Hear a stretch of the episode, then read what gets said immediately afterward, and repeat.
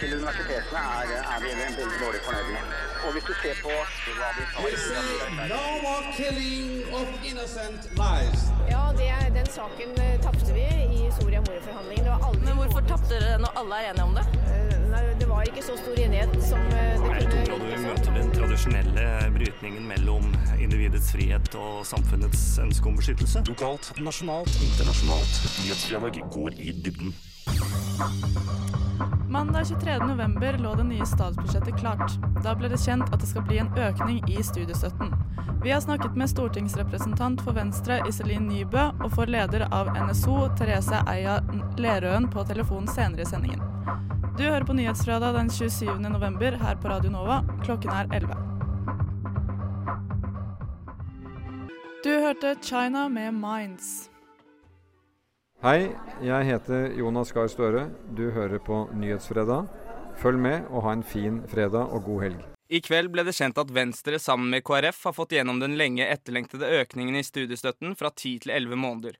Med oss på telefonen har vi Iselin Nybø, stortingsrepresentant for Venstre og nestleder i kirkeutdannings- og forskningskomiteen. Velkommen. Takk, takk. Dere fikk ikke gjennom forslaget under tidligere budsjettforhandlinger. Hva er årsaken til at det ikke gikk da, men at dere fikk det til i kveld? Det er sånn under budsjettforhandlinger at du må gi litt, og så får du litt.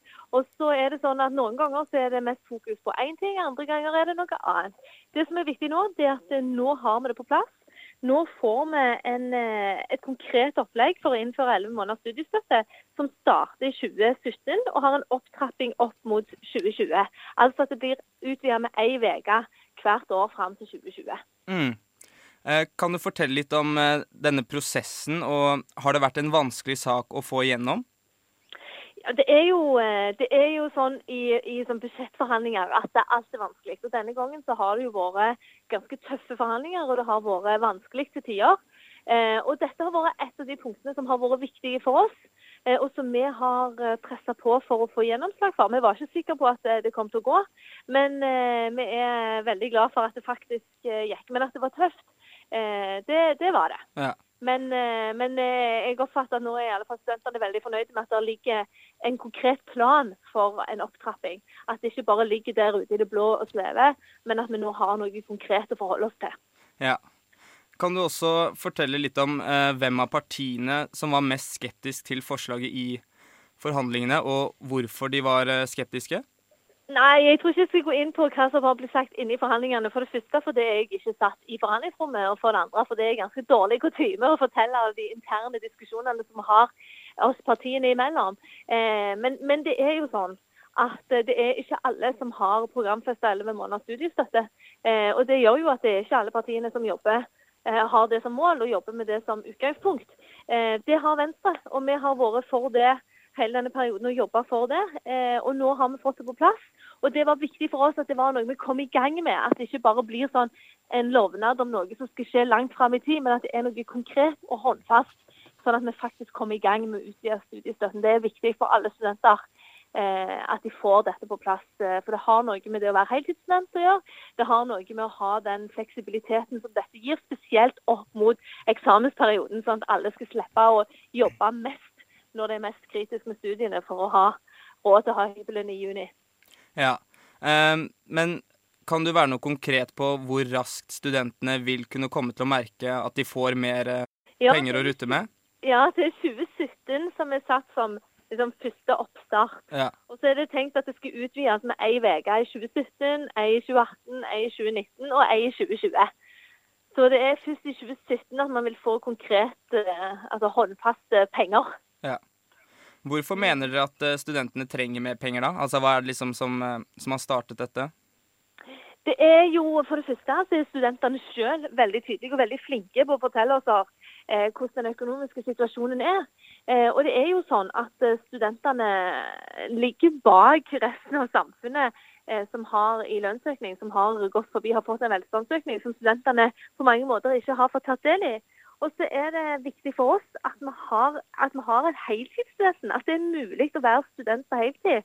Sånn at du kan konsentrere deg om faget ditt, om studiene dine, om framtida di. Og, og at ikke det er sånn at du må jobbe, og at du må jobbe veldig mye faktisk bare for å ha råd til å bo, for å ha råd til å leve. nå med elleve måneders studiestøtte, så, så, vil det fortsatt være mange som ønsker å jobbe ved siden av studiene. Og det er positivt at folk eh, vil det, og mange har helt sikkert òg tid og mulighet til det. Men, men, at vi må ha en økning i studiestøtten for å holde på, på den verdien det er å ha heltidsstudenter, det er jeg ganske sikker på at det er nødvendig. Ja, så Det dere vil, er jo um, å gi studentene en mulighet til at de kan være fulltidsstudenter uten å måtte jobbe ved siden av, selv om man selvfølgelig også kan gjøre det hvis man føler at man har tid til det? Ja, og mange vil nok, vil nok gjøre det. Eh, men, men, som studentene selv påpeker, så er elleve måneders studiestøtte viktig eh, for, for, å kunne oppnå liksom, målet om, om, eh, å ha heltidsstudenten. At man skal ha muligheten til faktisk å leve av studiestøtten. Ja. Mm. Men da vil vi bare si gratulerer, og takk for at du tok deg tid til å snakke med oss, stortingsrepresentant for Venstre Iselin Nybø. Takk for det, og takk for at jeg fikk snakke med dere. Hei. Ha det. Reporter i saken var Tobias Fredø. Nå får du Mathias, Mathias med låta 'Enforceless'. Du hørte Matas med låta 'Enforceless'. Nyhetsfredag går i dybden. Studentene er ikke alene om å juble for nyheten om økt studiestøtte. Vi har med oss leder i Norsk studentorganisasjon, Therese Lerøen, på telefon. Hei, hører du meg? Hei, hei. Hei. Eh, Therese, er du fornøyd med den nye tildelingen av lån og stipend til norske studenter? Ja, etter at eh, budsjettforliket kom og regjeringen sammen med samarbeidspartiene nå ble enige om eh, elleve måneders studiestøtte, så er det absolutt eh, grunn til å juble. Det har vært en lang kamp for studentbevegelsen å få på plass elleve måneders studiestøtte, og endelig så har vi en konkret plan på bordet. Så nå gjelder det bare om at alle partiene må følge dette opp fram til planen er innført i 2020. Ja, eh, NSO har som mål at studiestøtten skal økes og knyttes til 1,5 ganger grunnbeløpet i folketrygden. Eh, etter den nye tildelingen fra regjeringen så ligger studiestøtten på 1,12 eller 13 G. På hvilken måte kan dere nå målet deres? Ja, altså I dag så ligger studiestøtten på 1,12 G. I forslag til statsbudsjett som ble lagt fram i oktober, så lå det inne en liten prisjustering eh, som eh, vil føre til at den kommer til å ligge på rundt 1,15. Eh, med 11 måneder studiestøtte og dagens G-nivå Eh, så vil han ligge på 1,27. Sånn at Fremdeles eh, så er det langt til man har nådd målet om 1,5 ganger grunnbeløpet. Sånn at Seieren med 11 måneder viser jo egentlig at politikk fungerer. Så vi kommer til å fortsette å kjempe for at studiestøtta skal økes og knyttes til 1,5 G. Nettopp for å sikre en bedre studentøkonomi. For å gi studenter muligheten til å bruke nødvendig med tid på studiene. Så det blir eh, å fortsette den eh, kampen vi har hatt eh, nå, og det viser jo at det fungerer. Kunne du bare kort fortalt litt hva dette ganger grunnbeløpet betyr? Ja, ganger grunnbeløp i folketrygden er et nivå eh, å justere ulike typer beløp etter. Så vi har sagt at vi ønsker at studiestøtten skal ligge på 1,5 ganger grunnbeløpet. Og den justeres da i takt med pris- og lønnsvekst. Så I dag eksempel, så ville 1,5 eh, tilfalt rundt 130 000 kroner, eh, mot eh, rundt 100 000 eh, som studiestøtta ligger på nå. Ja, så bra. Eh, vil dere nå få mer tid til andre kjernesaker? Altså Statsbudsjettkravet vårt i år har jo vært 1,5 G over 11 måneder og 3000 studentboliger. Det har den vært en stund nå. Eh, så det er klart at det er et stort skritt på veien å få på plass elleve måneders studiestøtte. Men eh, vi er fremdeles langt fra målet når det kommer til selve nivået eh, på støtta. Og òg å bygge 3000 boliger årlig. Men vi håper jo at studentøkonomien snart vil bli så bra at vi i framtidige statsbudsjett kan konsentrere oss om hvordan å gjøre utdanningen bedre. Eh, for det burde jo strengt tatt allerede vært lagt til rette for at eh, vi kan være studenter på heltid. Så, så både ja og nei. Eh, der er fremdeles lang vei å gå, altså. Ja, hvilke saker er det dere kunne fokusert på da? Du nevnte uh, utdanningen. det er jo mange tiltak man kan gjøre for å bedre utdanningen. F.eks. så melder veldig mange studenter eh, tilbake på at de er misfornøyd med oppfølging og veiledning. Eh, så Der ønsker vi oss eh, bl.a. en mentorordning for studenter. og Det er klart at det koster penger. I tillegg så er den psykiske helsen blant studenter ganske mye dårligere enn befolkningen for øvrig. Og tiltak både for å forebygge, eh, men òg for å bedre psykisk helse, koster òg penger. Så Sånne type ting skulle vi ønske at vi kunne brukt mer tid på, istedenfor å kjempe for ting som allerede burde være på plass, da, som en god studentøkonomi. Ja. Eh, hva annet jubler NSO for i det nye statsbudsjettet? Generelt så er det egentlig et veldig godt kunnskapsbudsjett, både når det kommer til forskning eh, og utdanning. Eh, det er bl.a. en historisk satsing på studentboliger. Eh, så Det har vi jubla for i oktober og, og fram til nå, egentlig etter at forslaget til regjeringen ble lagt fram i oktober. Og Da lå det inne 2200 boliger, og det er veldig bra. Som betyr at vi nærmer oss målet vårt om 3000 årlig. Ja. Kan du fortelle litt om hvordan høsten har vært for dere i NSO? Mm. Høsten i NSO har vært eh, veldig fin. Vi fikk jo på plass et nytt arbeidsutvalg i juli, som nå har eh, kommet eh, godt i gang. Det er klart at Høsten har vært preget av mye arbeid eh, med statsbudsjett, eh, og det har det absolutt eh, vært verdt. Samtidig så har vi starta opp arbeidet med den stortingsmelding om utdanningskvalitet som regjeringen har varsla, som er en veldig gøy sak å jobbe med. I tillegg så har vi sett, eh, begynt å se på hvordan vi kan styrke studentene sine rettigheter når det kommer til læringsmiljø. Så det er mange baller eh, i lufta. Hvordan ser våren ut for dere, da? Til våren så skjer det òg mye. Vi kommer til å jobbe og intensivere arbeidet med den stortingsmeldingen om eh, kvalitet. Det kommer òg en produktivitetskommisjon sin rapport eh, som handler egentlig om hvordan Norge kan bli mer produktiv. Og Det gjelder da òg universitetene og høyskolene. Så Første delrapport ble lagt fram eh, nå denne våren her, som hadde en del tiltak, bl.a. studieavgifter og sånne type ting. Så der vil vi følge godt med på den til våren. Eh, I tillegg til det så skal NSO arrangere en egen sånn generalforsamling eh, for den europeiske studentorganisasjonen. Så Da kommer det til å samles eh, flere hundre studentpolitikere fra Europa i Bergen eh, for å diskutere bl.a. hvordan vi kan etablere en global studentstemme. Så det skjer veldig mye spennende til våren òg. Ja, Da ønsker jeg bare lykke til, og takk for at du tok deg tiden, leder i NSO Therese Lerøen. Takk. Du hørte 'Tommel opp' av Tusen takk. Hvert semester avlegges det eksamener ved universiteter og høyskoler, og hvert semester blir SIO helse kontaktet av studenter som sliter med psykiske problemer pga. eksamensstresset. Med oss i studio har vi leder av SIO helse, Kari Jussi Lønning. Velkommen. Takk. Ser man en økning på stressede studenter og psykiske problemer under eksamensperioden nå enn tidligere? Om det er mer nå enn tidligere, det har vi rett og slett litt problemer med å svare tydelig på. Eh, det vi ser, det er at det er en økning knyttet til at eksamensperiodene nærmer seg. Eh, men det har vi sett i mange år. Eh, og vår utfordring er at vi hele tiden har dessverre operert med ventetider, og ikke har klart å møte alle studentenes behov Eh, hele tiden. Vi har eh, økt kapasiteten. Ventetidene har eh, fortsatt vedvart. Så vi jobber så intensivt vi kan for å hjelpe flest mulig studenter. Men det jeg kan si altså med, med tydelighet, er at utover i semesteret og når eksamen ikke er langt unna, så er det flere som har behov for hjelp hos oss. Er dette et problem som kanskje hører med, til, hører med studenttilværelsen? Det, det, er helt klart at eksamensnerver og eksamensspenning hører absolutt med til studietilværelsen, tenker jeg.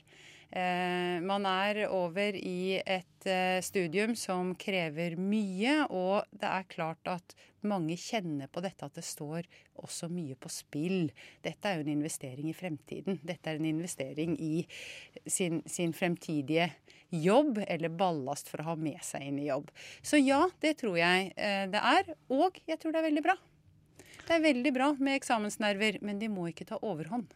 Hvorfor er det bra, tenker du? Fordi det å være nervøs nettopp eh, gir en skjerping for de fleste. At man er eh, fokusert. Man er konsentrert om å tilegne seg kunnskap, om å være i en eh, prestasjonsmodussituasjon. Eh, og man kan eh, med det også kjenne på at man vil yte på sitt aller beste, fordi man nettopp har med seg denne uroen om at ting er viktig. Ting er av stor betydning nå når eksamen nærmer seg. Men hvis vi ser litt bort fra nerver, hva tror du er hovedgrunnen til at så mange studenter sliter psykisk ved eksamenstider? Mm. Og det er klart det er et viktig skille. Det å ha nerver, det å grue seg, det å ha sommerfugler i magen, det tror jeg kan også være veldig sunt og konstruktivt. Det å slite, det å få symptomplager, det å kjenne at dette legger hinder på studiesituasjonen og det å klare å levere. Det eh, er jo der studentene er når de tar kontakt med oss og for å få hjelp. Og Grunnen til det er nok sammensatt, avhengig av den enkelte student og hvilken ballast de har med seg. Eh, det kan også være veldig avhengig av hvilken situasjon studentene er oppi. Altså Hvis de plutselig har belastninger, kjærlighetsbrudd eller ting på hjemmebane, eh, endringer som har skjedd som kommer utenpå, så kan totaliteten bli for stor. Og det kan være årsaken. Andre kan ha slitt tidligere, og når man kommer i pressituasjoner, så kommer det tilbake symptomer og plager. Og noen ser at det blir så høye krav de stiller til seg selv, at de rett og slett stopper opp fordi de ikke klarer å rydde og holde en oversikt og sortere hva som er aller viktigst, og hva som ikke er så viktig. Ja, nå svarte du egentlig litt på mine to neste spørsmål her. så, men jeg kan jo stille deg for det. Tror du studentene har for høye krav til seg selv og sin generasjon? En del av studentene har det. Det tror jeg jeg kan svare så direkte på. Eh, det er ikke tvil om at mange av de som henvender seg til oss, tar opp problemer i forhold til at de har skyhøye krav til seg selv. Og ofte så kan det være eh, krav som skal kompensere for en selvfølelse man kanskje er mer usikker på. Og de to i kombinasjon kan være veldig krevende. Hvis du skal bygge din selvfølelse på at du skal levere, og listen på hva du skal levere ligger skyhøyt, så har du en ganske krevende situasjon. Men eh, karakterpress har vel alltid eksistert blant studenter, eller tror du det har blitt verre eh, nå, hvis du skjønner? Eh, jeg tror ikke alltid at den den eksamensuroen som blir så sterk at vi kommer i kontakt med studentene, er knyttet opp til konkrete ting, altså karakterer. Noe er nok det. Noe er nok fordi man føler veldig på et press, og noen studier har et veldig karakterpress, men de har hatt det lenge. Eh, sånn at det, det er ikke ukjent sånn gjennom historien, men, men eh, mange som blir overmannet av uro knyttet til eksamen, har ofte det veldig diffust. Altså Det er ikke akkurat A-en som gjør at de knekker. Det er en angst som blir ganske sånn overmannende og udefinert. Og noe av det vi må jobbe med, er jo nettopp å konkretisere. Hva er det egentlig som er så farlig? Hva er det aller verste som kan skje? Og da er karakterene kanskje ikke det første som blir å rydde av veien. Nei. I fjor så kunne man lese undersøkelsen Universitas gjennomførte i samarbeid med Norsk studentorganisasjon, som viste at akademisk doping ikke var fjer et fjernt begrep blant norske studenter. Har du noe kjennskap til dette? Eh, vi har kunnskap fra SHoT-undersøkelsen som vi gjorde i 2014, hvor vi også spurte om eh, det var brukt prestasjonsfremmende midler. Enten beroligende eller stimulerende. Og vi fikk jo veldig, veldig lave tall i vår undersøkelse. Ehm, sånn at eh, ja, det forekommer. min og Helse sin holdning er bare å være veldig klar på. Det er svært risikofylt atferd. Eh, men samtidig understreke at vi ser ikke at det er noe utbredt problem hos oss i Norge i dag. Nei, Så det kommer ikke Dere møter ikke studenter som kommer og eh, vil snakke om de, akkurat disse problemene? Det har vi nok i liten grad. Mm. Hvis man som student føler seg truffet av det som nå har blitt sagt, eh, og ønsker å snakke med noen, hvordan mm. går man fram? Eh, det første jeg vil gi råd om, er at eh, hvis du er veldig urolig og engstelig, eh, avklar med de du har som undervisere. Snakk med dem. Hør, hør hva det er kravene består i, og om du har forstått dem rett. Hvis det ikke er holdbart eller tilstrekkelig, ta det opp i kollokviegruppen. Si fra at du er kjemperedd. Du sliter. Hvordan er det hos de andre? Hvordan kan dere sammen konkretisere, sette opp en plan opp mot eksamen og rydde sånn at nervene og uroen holdes mest mulig i sjakk. Hvis det heller ikke er tilstrekkelig, så er vi der. Da er det bare å ta kontakt, ringe opp til rådgivningen vår eller til psykisk helseseksjonen vår, og vi vil kunne bistå med råd og veiledning. Helt til sist, eh, har du noen gode råd, råd til de som sitter ytterst på stolen og biter negler nå? Det har jeg. Det jeg vil si, lag en plan over den tiden du har igjen. Men lag en realistisk plan over den tiden du har igjen. I den planen så må du lage deg noen luftehull. Noen hyggelige luftehull. Hvor du treffer venner eller gjør noe som ikke handler om studiene. Så vil jeg si at det er veldig viktig å komme seg ut i dagslys. 30 minutter minimum. Helst med å bevege litt på seg. Eh, litt vanskelig nå å si at sett deg ut og spis matpakken i minus fire grader. Så i hvert fall. Men, men, få dagslys. Og det handler om å få en god nattsøvn, fordi vi ved å være ute i dagslys får stimulert hormonproduksjon, som hjelper oss til å sove bedre. Og da er det neste punktet. Prøv å ha gode søvnrutiner. Prøv å legge deg til samme tid. Invester i natten. Forbeholdt søvn, ikke lesing. Det var alt vi rakk, dessverre. Tusen takk for at du kunne komme, leder i SIO helse, Kari Jussi Lønningen. Tusen takk. Reporter i saken var Sara Bech Sørensen. Ikke hvem som måtte sitte på penger som han ønsker å få. Men det som vi vil Radio Novas aktualitetsmagasin. Torsdag 6.11 vedtok studentparlamentet å danne en komité for miljø. Leder av SPUIO, Julie Paus Knutsen, sa til universitetet at dette er historisk. Med oss i studio har vi leder av Grønn liste, Jonas Nilsen, som også er medlem i den nye komiteen. Velkommen. Tusen hjertelig takk. Hvorfor er eh, dannelsen av denne miljøkomiteen historisk? Jo, den er historisk fordi det er dessverre sånn at eh, studentparlamentet har år etter år nedprioritert arbeidet med miljø og klima. Um, og det at man nå endelig har fått oppretta en uh, miljø- og klimakomité etter forslag fra Grønn liste, viser at man nå begynner å ta miljø- og klimaarbeidet på alvor. Og det er jeg selvfølgelig veldig glad for, og det er historisk. Ja. Eh, hvorfor ble komiteen opprettet? Ja, komiteen ble jo oppretta fordi at man så at man trenger mer kraft inn i arbeidet med miljø og klima. Eh, universitetet er for dårlig på dette området. Og det har vist seg at det å ha bare én person, nemlig miljøansvarlig i arbeidsutvalget, som jobber med dette, eh, har rett og slett blitt eh, for lite. Nå får man uh, fire ekstra personer i komiteen, så nå skal det være fem personer som skal jobbe med miljø og klima i studentparlamentet. Så det er klart at man får en helt ny kraft inn i dette arbeidet. Men trenger Blindern en egen miljøkomité? Ja, det er heva over enhver tvil, altså. Og det trenger man fordi at universitetet er for dårlig på miljø- og klimaarbeid. Eh, og der har jeg lyst til å trekke fram to eksempler som jeg syns er veldig slående. Uh, universitetet har jo et mål om at man skal senke energiforbruket med 15% innen 2020. Og det målet har man hatt i flere år nå. I fjor eh, i 2014 er det første året hvor man har klart å senke energiforbruket noe som helst. Og det klarte man, står det i miljørapporten fra Universitetet i Oslo, pga. en usedvanlig mild vinter.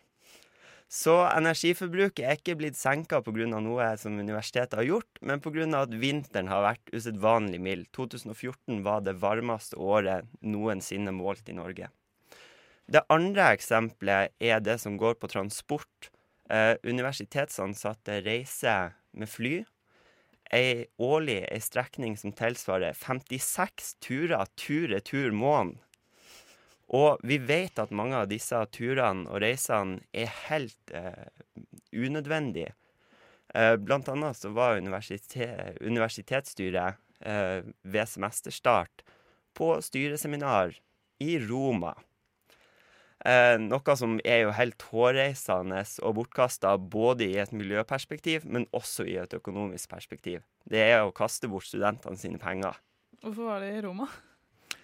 Nei, de hadde vel eh, lyst på en tur, da. Det var styreseminar, og da legger man det til Roma.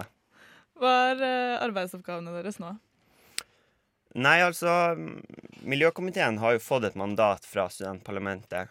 Uh, og dette er et veldig ambisiøst mandat. Vi skal både arbeide for å få gjennomslag for studentparlamentet sin miljø- og klimapolitikk, uh, og vi skal også løfte fram saker og utvikle en ny miljø- og klimapolitikk for, uh, for studentparlamentet.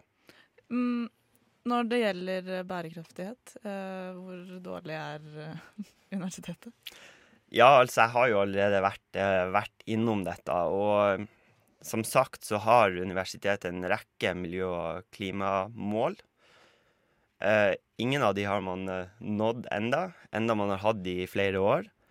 Og man er ganske langt fra å nå de aller fleste. Um, Nå skal det sies at det er i det siste blitt et bedre trøkk på miljø- og klimaarbeidet også i eiendomsavdelinga. Uh, så det ser lysere ut framover. Men det er helt nødvendig at studentene bidrar til å holde trøkket oppe på dette arbeidet. Eh, hvordan eh, kan universitetet bli bedre, da? Snakker vi vanlig kildesortering, eh, enkle grep? Nei, altså her snakker vi en, en totalitet. Det er et hel rekke med tiltak som må innføres for å senke klimagassutslippene, for å senke energibruken, for å øke kildesorteringsgraden, men også for å få miljø og klima inn i utdanningen og forskningen. Og forskninga. På hvilken måte har, skal komiteen være en faglig ressurs for studentparlamentet? Ja, det som jeg, som jeg var litt inne på, egentlig. Komiteen er jo bredt sammensatt av personer fra flere forskjellige lister og studentutvalgene. Um, så det er klart at det er samla mye kompetanse.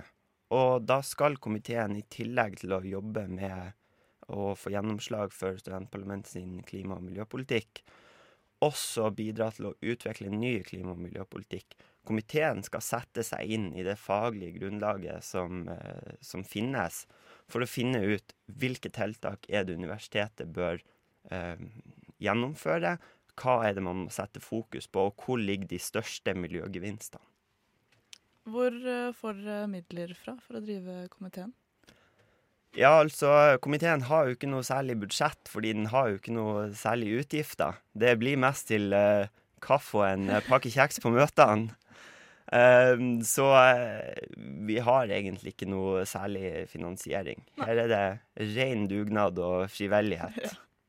Hvordan blir arbeidet deres fremover nå? Nei, nå skal vi, vi har, Jeg kommer faktisk rett fra det første møtet i miljøkomiteen nå. Uh, hvor vi også hadde invitert uh, miljørådgiver i eiendomsavdelinga. Uh, så nå kartlegger vi først muligheter. Hvor er det vi ser potensial? Um, og så må vi se på hvor det vi kan få best, best gjennomslag. Hvordan vi skal jobbe. Um. Hva forventer dere av dere selv, da? Ja. Ja, jeg kan jo vanskelig snakke for de andre, uh, men jeg forventer at uh, miljøkomiteen bidrar til at det blir et, uh, et helt nytt tempo i studentparlamentet sitt miljø- og klimaarbeid. for som jeg sa tidligere, så har det vært alt og altfor dårlig. Så jeg forventer at det blir et nytt trøkk nå. At klimakomiteen løfter fram klima- og miljøsakene. Eh, Og at de bidrar til å få gjennomslag for studentparlamentet sin politikk. Da ønsker jeg dere bare lykke til. Tusen Og hjertelig takk takk. for at du kom, Jonas Nilsen. Du hørte Jonas V med låten 'Roen'.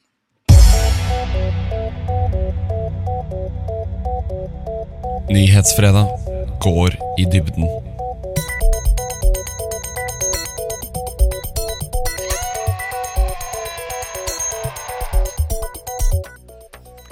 Nyhetsfredag er over for denne gang. En stor takk til dagens gjester.